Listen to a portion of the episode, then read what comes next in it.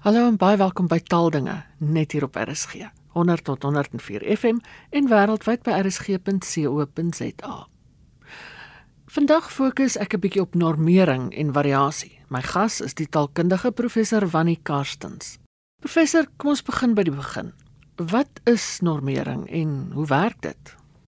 Ina taalnormering is 'n belangrike kwessie in taal want dit het te doen met die goeie gebruik van 'n taal dit sluit nie uit dat ander taalforme nie aanvaarbaar is nie, maar dit gaan hierso baie pertinent omdat mense keuse maak en een bepaalde vorm van die taal gebruik dan vir effektiewe kommunikasie.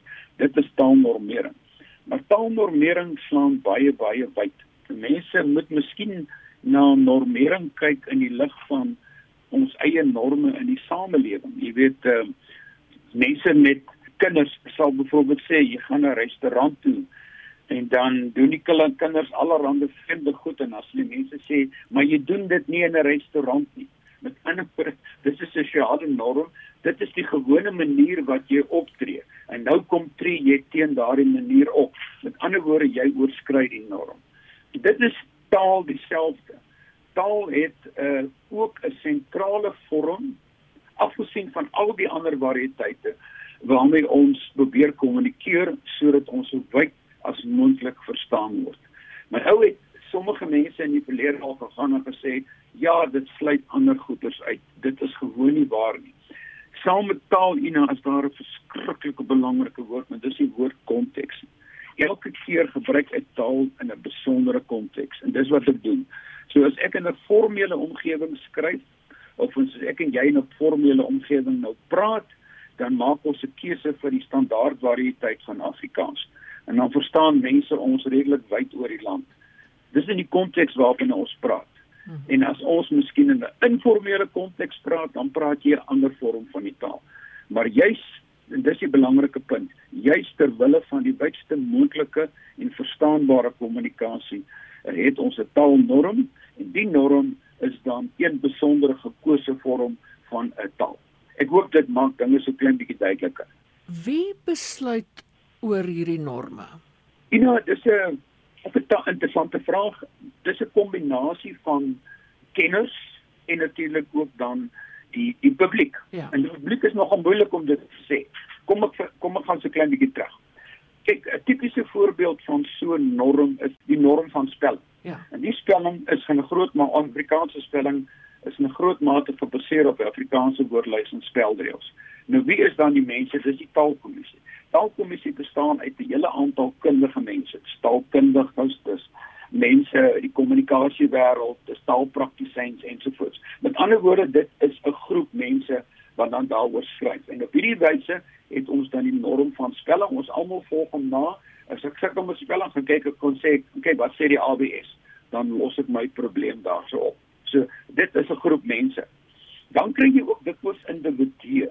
Nou individue is mense met besondere kundigheid in terreine wat dan boeke skryf. Met byvoorbeeld groot boeke uitbring. En dan kyk jy in in in die publiek leer vinnig dat die persoon se kundigheid sodanig is dat dit die moeite werd is om van daardie bron, daardie boek as vertrekpunt gebruik te maak in die uh, beoordeling van taal ek weet in die wêreld van taalkunde waar ek nou is, het ons byvoorbeeld 'n boek van uh wyle professor Fritz Ponelus Afrikaanse sintaksis. As jy mens enige probleem met sintaksis het, dan weet jy ten minste jy begin by Ponelus.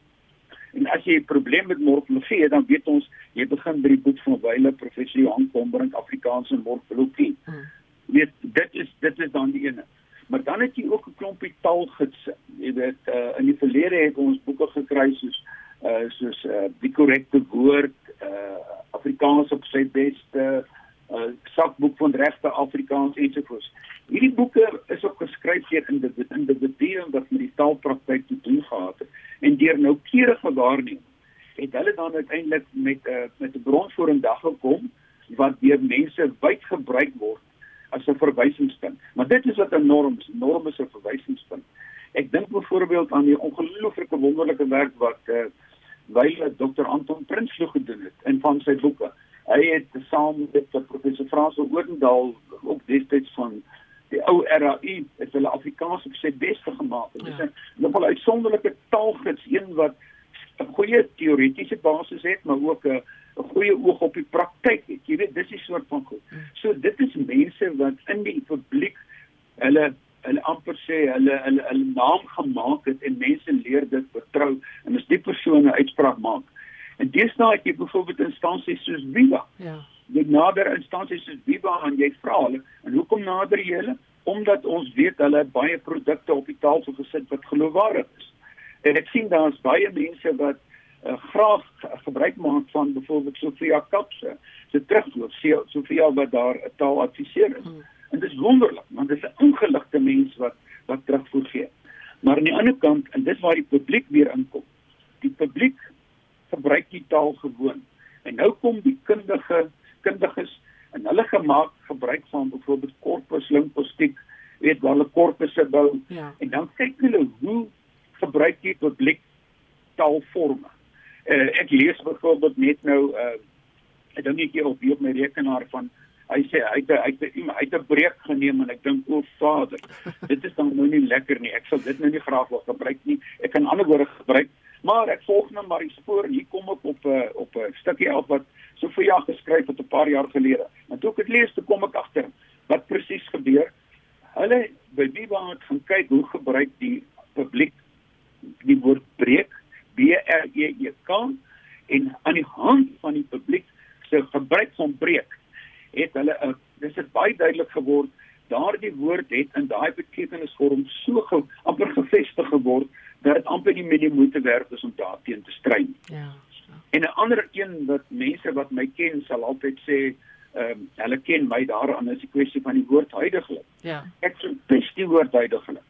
En en en ek sal homself nie gebruik nie. En ek het 'n enorme vir Afrikaans het ek daaroor geskryf hoekom ek dink dit behoort nie gebruik te word nie. En my vertrekpunt was wat ander taalkundiges daaroor geskryf het in die hand van navorsing. Maar toe het uh, Prof Gerard van Huisteen gekom en hy het twee wonderlike artikels geskryf waarin hy van kyk het wat sê alle bronne en hoe gebruik die publiek. En daaruit blyk dit duidelik ons het daai skuif gemaak. Die mense is nou tevrede met huidigelik. Maar ek belowe ek sal hom nie gebruik nie, ja nee, ek ook nie. Maar met ander woorde, 'n norm is nie 'n vaste ding nie. Hy bestaan vir 'n tyd en soos jou insigte toeneem en ons kennis neem toe, dan vas dit gewoon aan. Jy het nog vinnig genoem van hierdie woord. Preek en huidigelik. Ja. Nie wenner soos ek dit sou gebruik nie, maar onthou ek is nie die die die die alfa en die omega van die Afrikaanse taalkunde. Ek, ek beskryf maar so taalkundiges. Ons beskryf wat ons sien, wat ons waarneem. Ja. En dan besluit die publiek hulle gebruik dit as vertrekpunte of verwysingspunte as hulle wil skryf. Dit bring my dan nou by die volgende kwessie professor want taal is tog 'n veranderende entiteit of ja. wese of wat ook al. Watter invloed het hierdie variasie op normering of dalk werk dit andersom? Ja, nou, variasie is 'n uh, baie interessante onderwerp in enige taal in uh, die afgelope 30, 40 jaar in die ICC die 70s met die werk van die Amerikaanse taalkundige William Labov het ons al meer bewus geword van die belang van die sosiale omgewing en ook die feit dat daar baie mense is wat wat 'n taal gebruik, maar almal gebruik nie dieselfde vorm van die taal nie.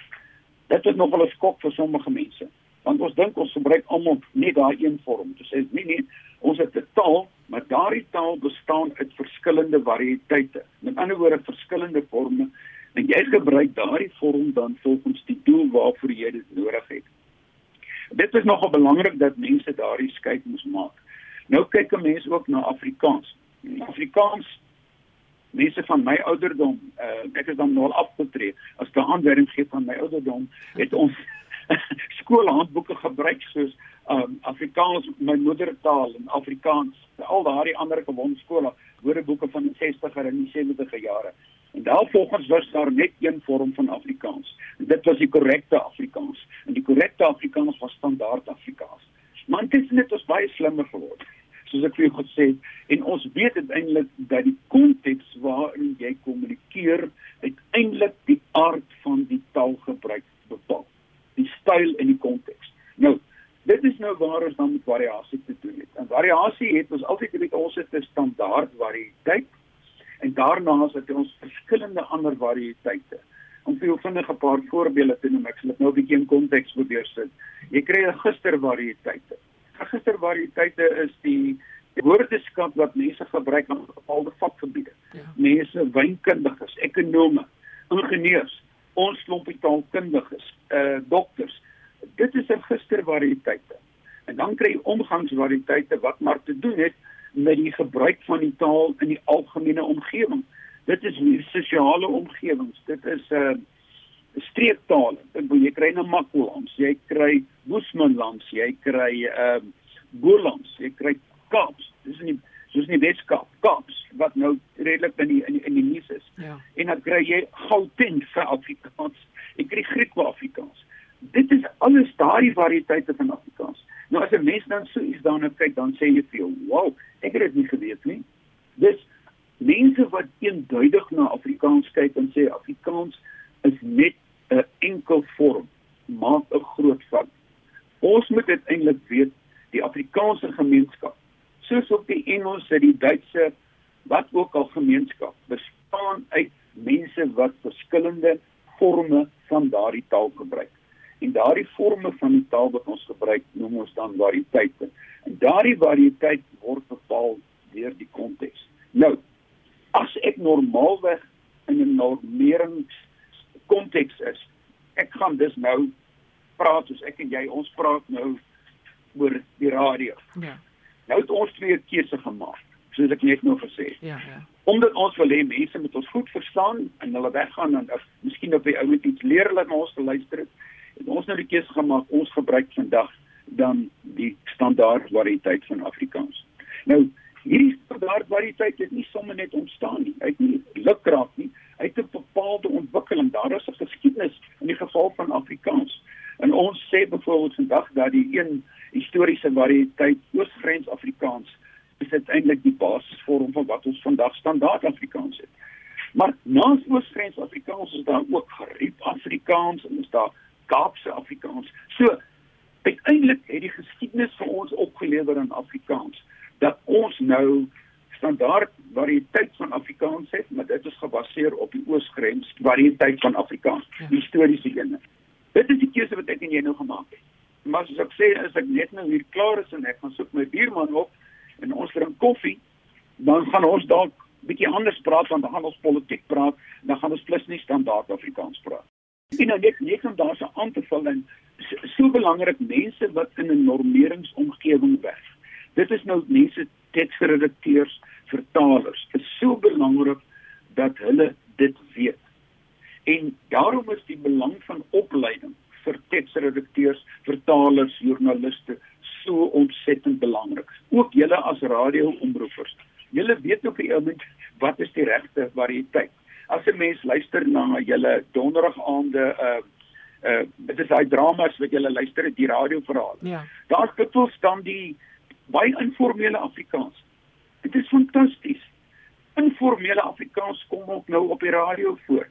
RSG het oor die jare al geskuif na hierdie ding dat hulle wegbeweeg van op ons sender gaan net standaard Afrikaans wees. Ons kan amper sê Vader sy dank. Ja. Want hierdeur weerspieël die senders van die RSG die totale diversiteit van Afrikaans. En Ina, dit is so belangrik.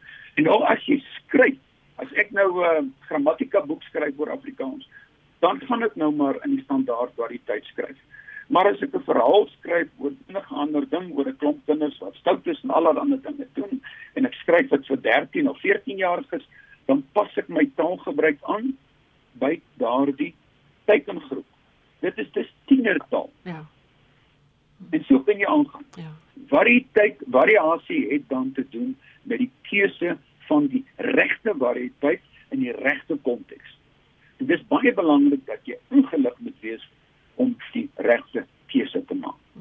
Professor, is daar 'n verskil tussen 'n taalvariëteit soos Kaaps en Namakwalands en so aan en variasie binne 'n taal. Ja, Ina, wie uh, jy kry breë variasie binne 'n taal, dit is dis heel normaal. Soos ek praat van standaard variëteit, register variëteite, omgangsvariëteite, historiese variëteite, daar's 'n magdom der menigte. Maar aan die ander kant, binne een variëteit kan jy natuurlik ook verskillende subvariëteite kry. Ek dink byvoorbeeld professor Dick Webb en een van sy studente Anita de Villiers, hierdie in die 80er jare het hulle geskryf oor uh die informele standaard variëteit van Afrikaans, die superformele variëteit vorm van die standaard variëteit van Afrikaans en dan die informele variëteit. Jy weet as ek sê jy het 'n standaard variëteit en hy wissel van formeel, hmm. baie formeel en informeel. Maar dit is die standaard variëteit. En telkens is daardie vorm gekoppel aan die konteks waarvan dit gebruik. Ja, ja. Maar kyk nou byvoorbeeld ook na 'n ding soos 'n variëteit soos soos kaps. Ja. Kaps wat nou soos ek sê redelik in die in die in die media is. Kamps is nie net eenduidig nie. As jy nou jy kyk gewoon net na die produkte wat uit die Kaapse gemeenskap na vore kom. En ek kyk sondag na 'n bekende Afrikaanse koerant en ek lees graag altyd daar die rubriek wat in Kaaps is. Ja, ja. En dan lees jy byvoorbeeld 'n koerant so som en jy lees dan 'n uh, gedigte van die mense soos of uh, die, die letterkunde van mense soos uh, Ronelda Kamfer, Nathan Tarantaal en ek praat van Adam Small en al daardie mense wat so graag in Kaap skryf, dan is dit nie dieselfde vorm deurgaans nie. Maar dis vir jou baie duidelik sê in die variëteit Kaaps is daar subvariëteit. Mm, mm. En dit hang af waarvoor die bepaalde persoon dit wil gebruik. Ja. Kyk byvoorbeeld die hele hip-hop kultuur waar iemand soos professor Quentin Williams baie kundig is verskil van die die kan die kletsryms gewoon op grond van die taalvorm wat jy gebruik. So, you know, interne variasie selfs binne variëteite is 'n normale ding. Ons weet nog net nie genoeg daarvan nie. Ek sê altyd ons soek studente wat vir ons die voetwerk kan kom doen en dit behoorlik kan kom kyk. Hoe lyk byvoorbeeld interne variasie binne Kaaps? Hmm hoe lyk interne variasie binne Gauteng? As iemand dit hoor en sê, "Ag, ah, ek het nou 'n tema," daar is een of ander taalkundige wat wag dat jy hom of haar bel en dan kan dit gedoen word. Maar dit het seker dan nou weer geweldige implikasies vir die normeringsfunksie as daar dan nou so baie variasie is.